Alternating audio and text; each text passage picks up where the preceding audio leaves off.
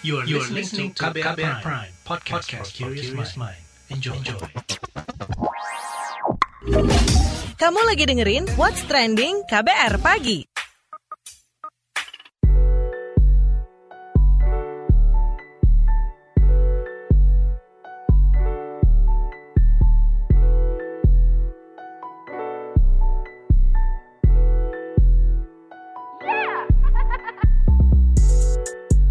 KBR Pagi, siaran pagi radio paling update. Selamat pagi, apa kabar Anda hari ini di hari Rabu 12 Mei 2021? Ketemu lagi dengan saya Don Brady di What's Trending KBR Pagi. Lebaran tahun ini dirayakan saat pandemi masih berlangsung. Sama seperti lebaran tahun lalu ya. Dan beberapa hal yang menyangkut tradisi pun mau nggak mau urung diwujudkan.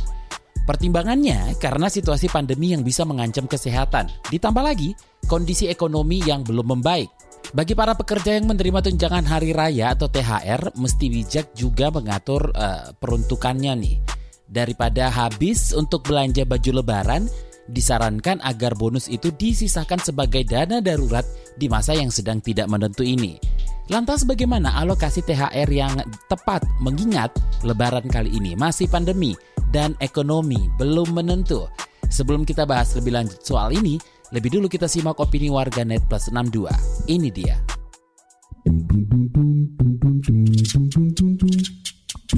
Ke komentar at Hesti Bambang. Mudah-mudahan THR bulan Mei dan gaji 13 bulan Juni bisa angkat pertumbuhan ekonomi 2021 sebesar 1 persen lebih. Sehingga kuartal 2 tahun 2021 Indonesia sudah lepas dari resesi dan lancar berproduksi berakselerasi untuk menuju pertumbuhan ekonomi lebih dari 4,5 persen sampai dengan akhir tahun 2021. Lanjut ke at Witama Erlangga. Siapa nih THR-nya yang nggak full tahun ini? Lanjut komentar at Fikri Asra 1. Coba kalau THR-nya diberikan full pasti pertumbuhan ekonomi lebih kuat. Lalu komentar Ed teman Abati, buat list pengeluaran deh. Lanjut Ed Danis NW, gua sampai nggak mau nyatet pengeluaran sama sekali di aplikasi finance bulan Ramadan ini. Takut nyesel soalnya, padahal biasanya tiap bulan selalu ada laporan pengeluaran detail. Lanjut komentar Ed Abdullah underscore 182, pengeluaran bulan ini over budget karena efek libur, Ramadan dan Lebaran. Ini bukti kalau manusia emang cuma bisa berencana dan sulit menahan godaan self-demand. Komentar Ed April underscore Hamsa, siapa yang THR-nya udah cair? Ingat-ingat ya, jangan boros. Sebaiknya gunakan dengan bijak, apalagi mengingat masa susah kayak sekarang. Dan terakhir komentar at Yowell, pelajaran dari COVID-19 yang pertama hidup itu singkat, nggak ada yang tahu kapan kamu finish dari dunia. Dua, pekerjaan hanyalah sementara. Tiga, kesehatan adalah kekayaan. Empat, selalu siapkan dana darurat. Dan kelima, kita nggak mungkin bisa survive tanpa campur tangan Tuhan. What's Trending KBR Pagi Alokasi bijak THR masa pandemi itu yang kita obrolin pagi ini. Ekonom Institute for Development of Economics and Finance atau INDEF Rusli Abdullah menilai tunjangan hari raya atau THR yang didapatkan pekerja itu nggak bakal berdampak signifikan untuk mendongkrak pertumbuhan ekonomi Indonesia. Kata dia, pelarangan mudik membuat konsumsi masyarakat tidak maksimal sebab distribusi ekonomi tak merata. Kata Rusli, ekonomi Indonesia saat ini masih ditopang oleh konsumsi rumah tangga, sehingga jika tingkat konsumsi rendah, ekonomi juga tak akan tumbuh. Sebelumnya Badan Pusat Statistik menyatakan pada triwulan pertama 2021, konsumsi rumah tangga Indonesia terkontraksi atau minus 2,23 persen.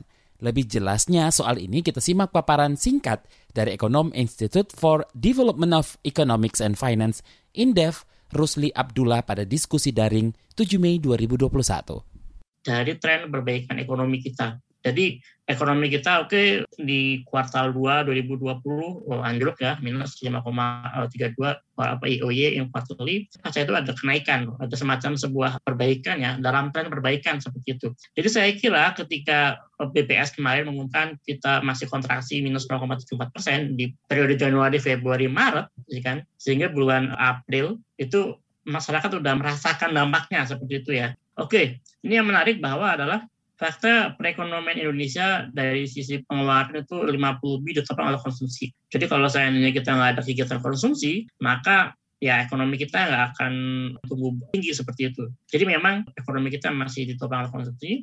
Oke, kedua ada lagi, meski ada THR, pegawai BUMN, PNS, kita-kita ini ya teman-teman mungkin yang di wartawan, yang masuk dalam kelas menengah, dapat THR seperti itu, tapi karena nggak mudik ya pasti distribusi ekonomi ini tidak akan merata seperti itu. Paling pol ya kita ini ya spending kirim ke orang tua, keluarga di rumah, ini Bapak Ibu untuk untuk belanja lebaran. Tapi saya kira itu porsinya kecil dibanding kalau misalnya kita mudik ke kampung halaman. Nah dampaknya apa? Oke ekonomi turun sebagainya, tapi saya kira mungkin eh, kuartal 2 itu akan menjadikan ekonomi kita itu tidak akan tumbuh seandainya kalau kita mudik dapat 10 misalnya kan. Banyak yang tidak mudik maka itu cuma dapat 6 misalnya seperti itu. Karena apa? Karena spending konsumsi kita hanya terbatas pada daerah-daerah tertentu ya ini Jabodetabek atau kota-kota besar lainnya yang memang menjadikan larangan mudik itu terjadi. Sehingga multiplier effect itu hanya ada di perkotaan ya di sampai pedesaan. Nah, padahal semakin merata uh, spending konsumsi kita pedesaan dan sebagainya, itu efek mungkinnya akan semakin gede seperti itu. Beda kalau seandainya kita cuma spending di kota aja, maka nggak akan terasa seperti itu. Menjadi catatan bahwa oke okay, meskipun ada THR dan sebagainya, dampak dari itu nggak akan maksimal. Itulah kenapa pemerintah pada akhirnya gini ya, memberikan sebuah kebijakan bisa membuka open ini ya destinasi wisata seperti itu. Dan saya kira logikanya di sini tadi bahwa oke okay, meskipun nggak mudik tapi harus spending di lokal di kota yang di mana para perantau itu tinggal seperti itu. Perhatikan agar duit tadi THR ataupun yang lainnya bisa diputar lah seperti itu. Tapi saya kira hasil dari perputaran itu nggak akan maksimal kalau nggak akan besar ya kalau seandainya duit itu diputar di merata seperti itu. What's trending KBR pagi? Newsbeat. Aparat kepolisian membubarkan kerumunan dari ratusan pemuda di Spanyol yang berpesta tanpa masker di jalanan kota Madrid dan Barcelona. Mereka merayakan pencabutan kebijakan, pembatasan, dan dianggap melanggar aturan terkait penerapan protokol kesehatan di tengah pandemi COVID-19. Sejumlah orang pun didenda. Melansir Reuters, Kepala Kesehatan Darurat Spanyol Fernando Simon menyatakan keprihatinannya dan potensi peningkatan kasus akibat perilaku tersebut. Ia menyatakan dampak kerumunan ini akan meningkatkan keterisian rumah sakit beberapa hari ke depan. Sebelumnya, pemerintah melarang adanya mobilitas antar wilayah dan menerapkan jam malam. Vaksin buatan Pfizer BioNTech mengantongi izin dari Amerika Serikat untuk disuntikan kepada anak usia 12 hingga 15 tahun. Badan Makanan dan Obat-obatan Amerika Serikat FDA menyatakan penyuntikan vaksin Pfizer dapat meningkatkan perlindungan terhadap anak di tengah pandemi COVID-19. Komisioner FDA Janet Woodcock menyatakan izin ini dikeluarkan untuk mendukung upaya menuju kenormalan baru dan mengakhiri pandemi di Amerika. Anak-anak dianggap satu kelompok yang kemungkinan menderita gejala ringan saat terinfeksi COVID-19, namun ia dapat menyebarkan virus ini terhadap kelompok rentan sehingga vaksinasi terhadap anak dianggap penting. Perusahaan antariksa SpaceX akan meluncurkan satelit ke bulan tahun depan. Proyek ini dilakukan untuk mendapatkan kecerdasan spasial bulan dengan kamera dan sensor on board. Wakil Presiden penjualan komersial SpaceX, Tom Ochinero menyatakan, satelit itu akan diterbangkan dengan roket Falcon 9 pada kuartal pertama 2022. Perusahaan antariksa besutan Elon Musk mendapat pendanaan pembangunan satelit dari Dogecoin melalui perusahaan Geometric Energy Corporation.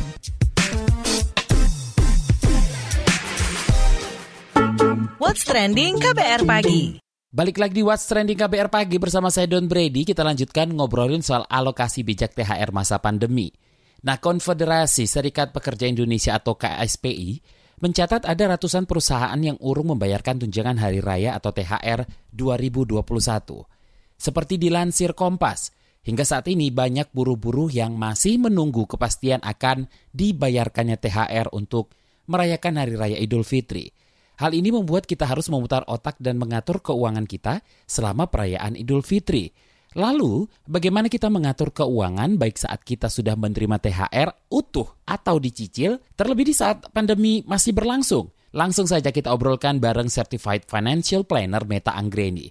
Mbak Meta, bagi para pekerja yang telah mendapatkan THR, bagaimana nih alokasi yang tepat mengingat lebaran kali ini masih pandemi dan ekonomi belum menentu? kalau sebagai pekerja kita yang masih mendapatkan THR. Artinya THR ini memang sesuatu yang seperti bonus gitu ya. Sebenarnya kita bisa prediksi jumlahnya, kapan dapatnya, dan itu sebenarnya kan secara undang-undang adalah hak kita juga. Tapi tinggal sekarang bagaimana penggunaannya gitu kan, karena masa sekarang berbeda dengan masa normal gitu ya. Nah, pada dasarnya karena ini adalah pendapatan ekstra, pendapatan bonus, memang artinya kita bisa ya kalau kita mau kita boleh belanjain. Tapi kan justru yang bijak bagaimana? Mengingat sekarang kondisi masih pandemi gitu kan ekonomi tidak menentu. Jadi justru sekarang ini THR itu kalau menurutku justru sangat di sayang-sayang gitu ya, di eman-eman gitu, di hemat-hemat juga gitu. Karena kembali lagi kita ini kan ekonomi tidak menentu ya, di mana mungkin banyak yang tahun lalu mungkin orang banyak yang nggak terima HR, THR tahun ini udah terima, tapi juga masih banyak orang yang THR-nya juga mungkin belum tepat waktu atau bahkan yang masih dipotong atau bahkan mungkin juga masih ada sih yang nggak terima THR gitu kan. Kita masih banyak menghadapi ketidakpastian. Artinya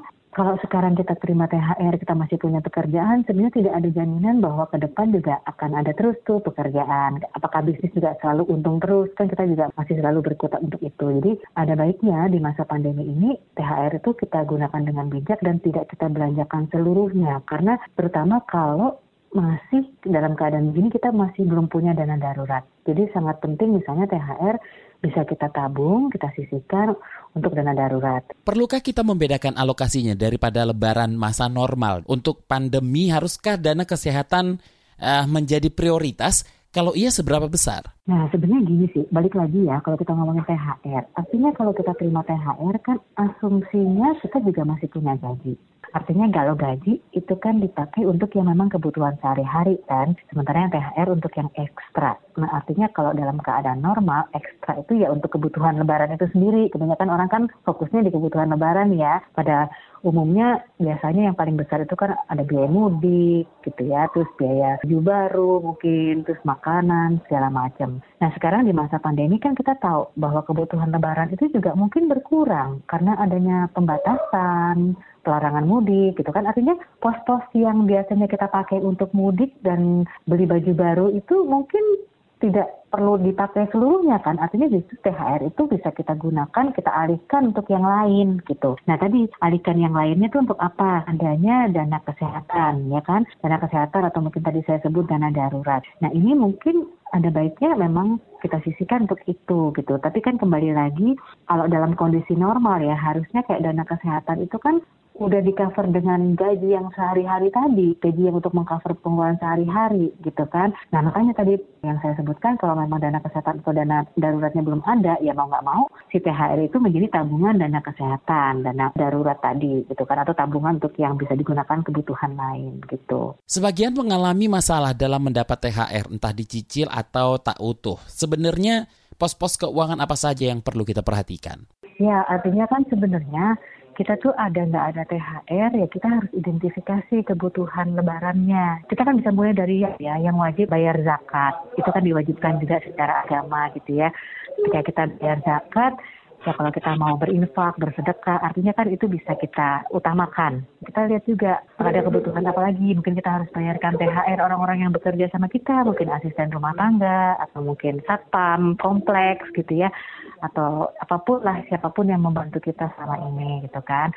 Nah lalu kita lihat juga kebutuhan lebaran apa aja. Dalamnya ada mudik, sekarang nggak ada mudik gitu kan. Baju baru apakah masih perlu ataukah memang lalu apakah menu buka puasa atau menu lebaran nanti yang harus kita siapkan gitu kan. Nah sekarang juga mungkin orang kebanyakan berpikir kita tidak bisa silaturahmi, tapi justru malah kirim-kirim hamper gitu kan, kirim-kirim tanda kasih gitu. Nah artinya kita harus mengidentifikasikan itu dulu semua. Di luar itu pun nanti kita harus lihat lagi apakah mungkin nggak kita punya beban-beban yang harus diselesaikan, misalnya hutang gitu.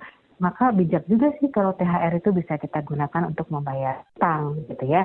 Nah jadi kembali lagi kalau kita udah identifikasi kebutuhannya, kita kan bisa tahu nih THR-nya kita terima kapan dan berapa. Kalau ternyata perusahaan mencicil pembayaran THR gitu kan, atau ternyata ada kebijakan perusahaan THR hanya dibayarkan separuhnya misalnya, otomatis kan kita jadi bisa menyesuaikan juga, oh kebutuhan saya yang ini mungkin ya sudah tadi mungkin tidak perlu baju baru atau mungkin tidak perlu kirim-kirim hampers dan segala macam. Jadi artinya kita sudah tahu kebutuhannya apa, jadi sehingga kita, kita ketika kita terima uangnya, kita udah ready untuk mengalokasikannya. Seandainya tidak terima sama tidak terima THR juga gitu, ya otomatis kan kita jadi menyesuaikan apakah kebutuhan Lebaran ini harus dipenuhi atau tidak atau ya kembali lagi namanya bulan puasa memang kita harus mengendalikan diri artinya kita menyesuaikan dengan apa yang ada Nah bagaimana dengan kebutuhan rekreasi dan berbelanja? Bagaimana pengaturan pengeluarannya? Kalau kebutuhan rekreasi atau belanja itu kan sebenarnya kalau kita lihat dia adalah kebutuhan yang sifatnya sudah sekunder atau bahkan tersier gitu kan ya. Nah, jadi kalau kita mau mengatur pengeluaran, biasanya itu kita kayak bikin prioritas. Pertama, adalah pengeluaran yang sifatnya wajib. Pengeluaran wajib itu yang memang kita udah punya aturan tertentu yang mewajibkan kita membayar itu, seperti misalnya kayak bayar cicilan, kayak kebutuhan pokok kita uh, makan gitu ya, makan itu juga wajib. Nah tapi ada yang juga yang berikutnya sifatnya butuh, jadi setelah wajib butuh. Artinya itu nggak wajib, tapi kita butuh untuk kehidupan kita sehari-hari juga gitu kan ya. Jadi kayak misalnya butuh tempat tinggal yang lebih nyaman gitu kan, terus butuh makan yang mungkin ada jajannya gitu kan butuh skincare gitu itu adalah kebutuhan gitu lalu ada yang memang sifatnya ingin jadi kalau ingin ya memang karena itu adalah keinginan kita gitu ya.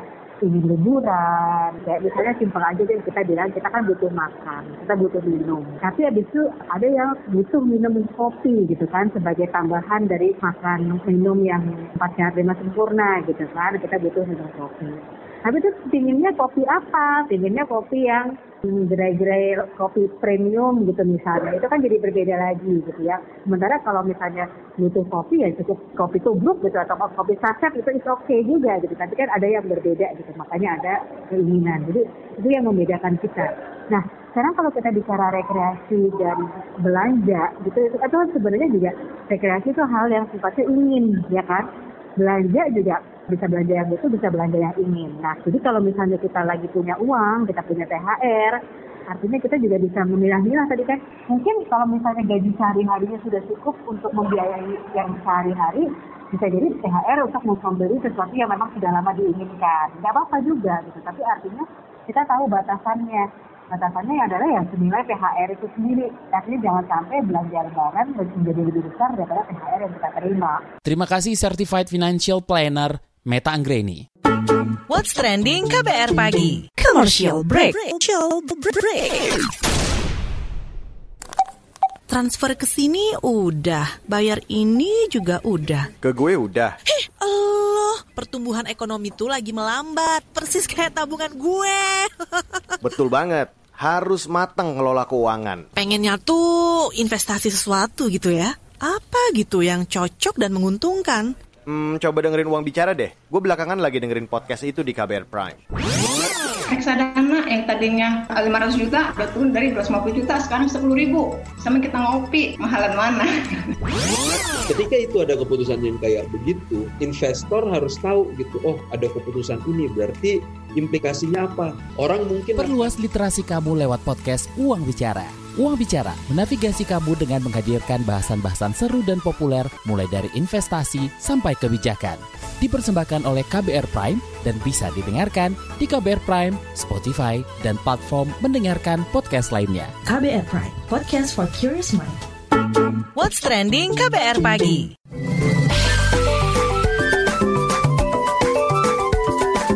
WhatsApp Indonesia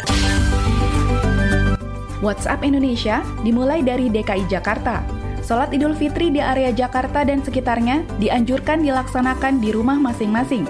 Hal itu diungkapkan Gubernur DKI Jakarta Anies Baswedan usai menggelar rapat koordinasi dengan Kepala Daerah Bogor, Depok, Tangerang, Bekasi, dan Cianjur Senin kemarin 10 Mei 2021. Anies menambahkan, lokasi sholat id di masjid dan di lapangan harus menerapkan protokol kesehatan dengan kapasitas 50 persen.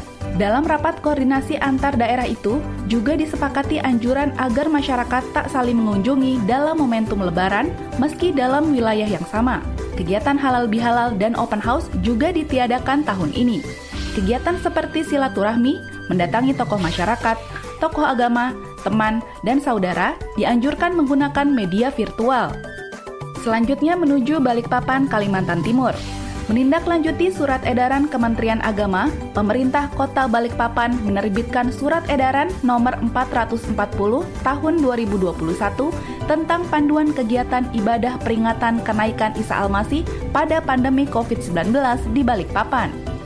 Kepala Satpol PP Kota Balikpapan Zulkifli mengatakan ada beberapa poin terkait protokol kesehatan dalam surat edaran tersebut yang ditunjukkan kepada pengurus gereja. Di antaranya, kehadiran jemaah hanya diperbolehkan 50% dari kapasitas ruangan. Ibadah kenaikan Isa Almasih harus dibuat jadwal beberapa shift untuk mengantisipasi kehadiran jemaat yang memeludak. Kemudian, melakukan penyemprotan desinfektan di lingkungan gereja, menyediakan tempat cuci tangan maupun hand sanitizer, mempersingkat waktu pelaksanaan ibadah dengan tak mengurangi hikmatnya ibadah. Selain itu juga, membatasi jumlah pintu keluar masuk untuk pengawasan protokol kesehatan, melakukan pengecekan suhu tubuh, penerapan pembatasan jarak, dan tidak pula diperkenankan bersalaman dan berpelukan. Jemaat yang memiliki gejala COVID-19 tak diperkenankan ikut ibadah. Bagi anak-anak dan lansia, diminta untuk mengikuti ibadah secara virtual. Jika ibadah telah selesai, diminta langsung pulang dan tak lagi berlama-lama atau mengobrol. Selain itu, wajib membentuk Satgas COVID-19 untuk mengawasi penerapan protokol kesehatan. Terakhir, mampir Jawa Timur. Pemerintah Kabupaten Magetan, Jawa Timur meminta pengelola tempat wisata memperketat penerapan protokol kesehatan selama libur lebaran 2021. Hal ini menyusul adanya izin pembukaan tempat wisata selama libur panjang lebaran tahun ini. Melansir antara, tim Satgas Penanganan COVID-19 Magetan, Fenly Tommy Nicholas mengatakan, penerapan protokol kesehatan ketat harus dilaksanakan pengelola pariwisata, sebab ada potensi pembeludakan pengunjung selama libur lebaran tahun ini. Pembeludakan pengunjung selama libur panjang kerap meningkatkan angka kasus harian COVID-19. Hal ini dipicu oleh ketidakdisiplinan masyarakat dalam menjaga jarak dan menggunakan masker. Sementara itu, Kepala Dinas Pariwisata dan Kebudayaan Magetan Joko Trihono mengatakan, pihaknya telah mengantisipasi pembeludakan jumlah pengunjung dengan membatasi kapasitas di setiap tempat wisata. Demikian WhatsApp Indonesia hari ini. Demikian KBR pagi hari ini. Jika Anda tertinggal siaran ini, Anda kembali bisa menyimaknya di podcast What's Trending yang ada di kbrprime.id, di Spotify, dan aplikasi mendengarkan podcast lainnya. Don't ready, undur diri, besok kita ketemu lagi. Stay safe, bye-bye. Terima kasih ya sudah dengerin What's Trending KBR Pagi. KBR Prime, cara asik mendengar berita. KBR Prime, podcast for curious mind.